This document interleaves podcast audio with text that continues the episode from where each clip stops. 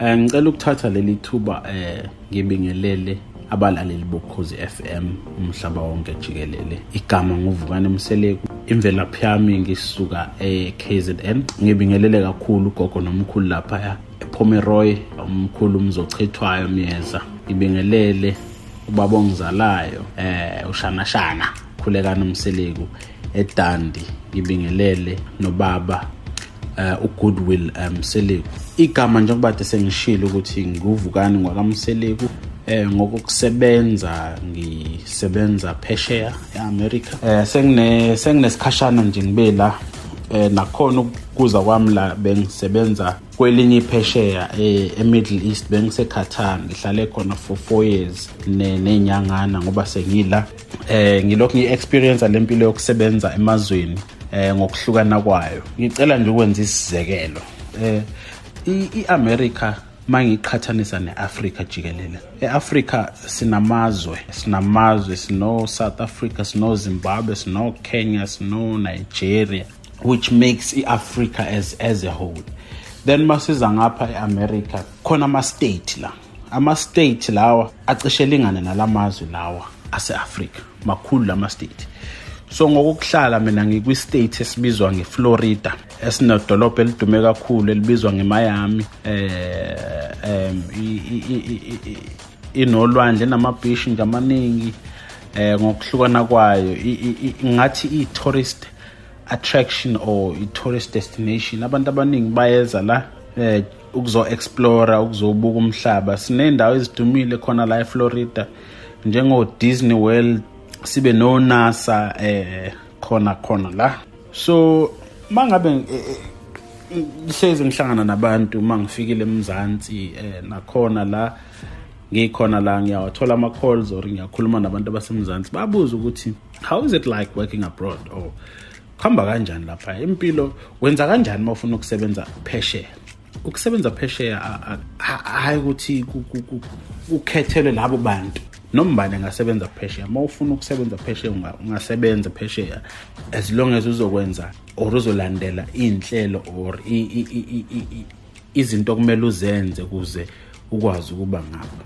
Uma ngibheka uma ngiqhathanisa i-south africa nalapha engikhona i would say i would say it's um i-america it's 10 times advanced ngokwesystem eh indlela izinto ezenzeka ngakhona compared to emzansi. Yonke into la i-easy ku-easy ukwenza izinto. Angisho ukuthi ku-easy ngalendlela ukuthi ku-easy ukuthi uma ufuna ukwenza into it's doable. Like eh angikho angihlali ngedwa la ngihlala namanye ama South Africans. Njengamanje ngihlala no ngihlala no nosicebiso Gumede ngihlale no nobanele finca. Ngihlale nomfoka uh, untuthuko Bhengu eh sihlala ndawonye la. Izinto esesizinakile or engathi esesiachievile within a short period of time la ziyamangalisa.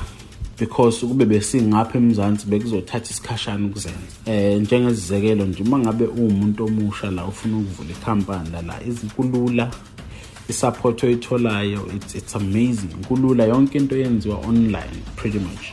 Because even igrocer la you, you don't really have to go to a grocery store uyothenga ukudla. Uh, you can pretty much buy whatever you want online then bekudeliver within an hour or so. So impilo yala ilula. The the other thing yenza ukuthi kube mnandi ukuhlala ngapho ukuthi like everyone is pretty much minding their own business you know. Uh, ayikho lento yokuthi ubani unomona ngokuthi ubani udrive imoto ewukuthi. Uh, speaking of imoto nakhona into esinokuyibuka emzansi ukuthi uma ubona umuntu edrive iPorsche uthi hayi usomaqhuzu lo. La impilo ibalance ngalendlela ukuthi uyathola umuntu oyicleaner or oyisecurity egijima ngePorsche egijima ngeRange Rover. Futhi nje kuyinto ejwayelekile engasimangazi. La ukuthi nami kusasa ngingakwazi ukuvuka ngiyo rent iLamborghini. Ngemali encane akudinga ukuthi uzube nemali enkulu. Ngiyo rent iLamborghini ngidrive iviki lonke hayi ngoba kuwukuthi izinto ezikanjalo impilo la ilula wonke umuntu uyakwazi ukwenza into akafisa ukuyenza ngaphandle ukuthi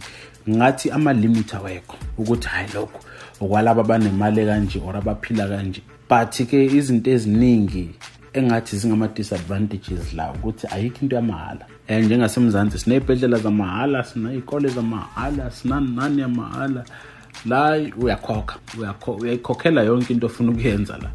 Eh ngisho ngakhwehlela ubize ambulance ukulala kwakho nje esibhedlela ukuphuma the next day you will pay about $1,500 which is over 20,000 rands just ukuthi ukhwehlelile wayolala esibhedlela wavuka the next day. Eh kuningi nje angibonge kakhulu ukhosini FM eh ukusipha le platform singabantu abasebenza phesheya ukuthi si update abantu abasha nabafisa ukusebenza abroad ukuthi it's doable. Kuyenzeka mangabe umuntu ofisa ukulokhunja siyaye sikhulume ngazo lezi zinto ungasithola nakuma social media ethu njengoba singishilo. Uma ungibheka nje kwi-social media uzongithola nguvukani umseleku uma ngabe unemibuzo ungangibuza anytime and I'm, I'm always willing to help. Wonke umuntu odinga usizo. Asiphileni sibonge kakhulu. Eh niphile nibe safe. Eh asibonge kakhulu khosini FM